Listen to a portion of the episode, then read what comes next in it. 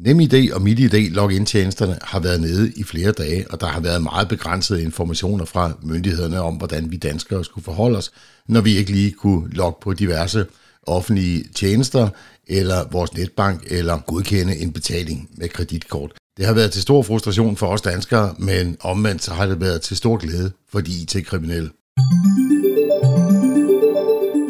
Cyberværet med IT-sikkerhedseksperten Leif Jensen. Mit navn er Leif Jensen, og jeg har arbejdet professionelt med IT-sikkerhed i snart 30 år.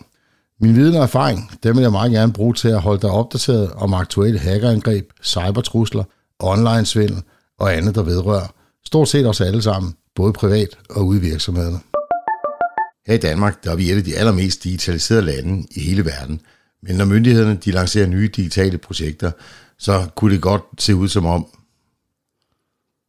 men når myndighederne de lancerer nye digitale projekter, så kunne man godt få den tanke, at det ikke altid er helt gennemtænkt i forhold til såvel IT-sikkerhed som til drift. IT-sikkerhed, det handler ikke kun om at beskytte en tjeneste imod at blive hacket. Det handler også om i rigtig høj grad at skabe tryghed hos dem, der bruger tjenesten, således at man ikke er et offer for de IT-kriminelle. Og det er lige præcis det, der var et af problemerne i sidste uge, da NemID og MitID-tjenesterne var nede. En ting var, at vi blev mega frustreret over, at vi ikke kunne bruge diverse offentlige øh, tjenester. Vi kunne ikke logge ind på vores netbank, og vi havde måske et problem med at godkende betalinger på vores kreditkort. Men noget andet er, at de IT-kriminelle, de sidder og jubler i sådan en situation. Fordi det betyder, at vi er allerede, vi er allerede en lille smule utrygge omkring, hvordan vi skal skifte fra NemID til MitID. Og det er super nemt for de IT-kriminelle at henvende sig, enten via spam-mails, spam-sms'er og sågar telefonopkald, øh, hvor man siger, der er et eller andet galt med din NemID-konto, men vi vil meget gerne hjælpe dig. Og det er der desværre mange danskere, som stadigvæk hopper på. Nogle de er endda så uheldige, at de har fået lavet sig overtalt til at sende et billede af sit NemID-kort sammen med login-oplysninger. Og så har de kriminelle altså relativt frit slag. IT-sikkerhedsvirksomheden ESET har kigget nærmere på botnettet, der hedder Emotet, som bliver brugt som en crime as a service, og blandt andet bliver brugt til at sende spam-mails ud. Det ser ud som om, man er ved at implementere en ny strategi, og i maj måned 2022, der observerede man noget, man nok kan kalde en ekstrem udvikling på hele 11.363 procent stigning i udsendelse af spam-mails. Og hvad betyder det så for os her i lille Danmark?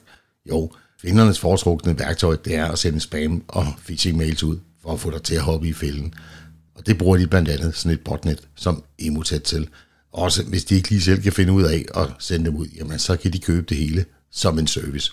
Og i den kommende tid, der kan vi nok forvente, at der kommer en voldsom stigning i antallet af phishing og svindelmails. Så pas godt på derude. Politiet oplyser, at der igen er godt gang i svindelmails, der udgiver sig for at være enten fra politiet, Europol eller endda Interpol. Og formålet med dem, det er at logge en NemID eller MitID login-oplysninger ud af dig. Mailsene, de er selvfølgelig falske, og de starter sådan her.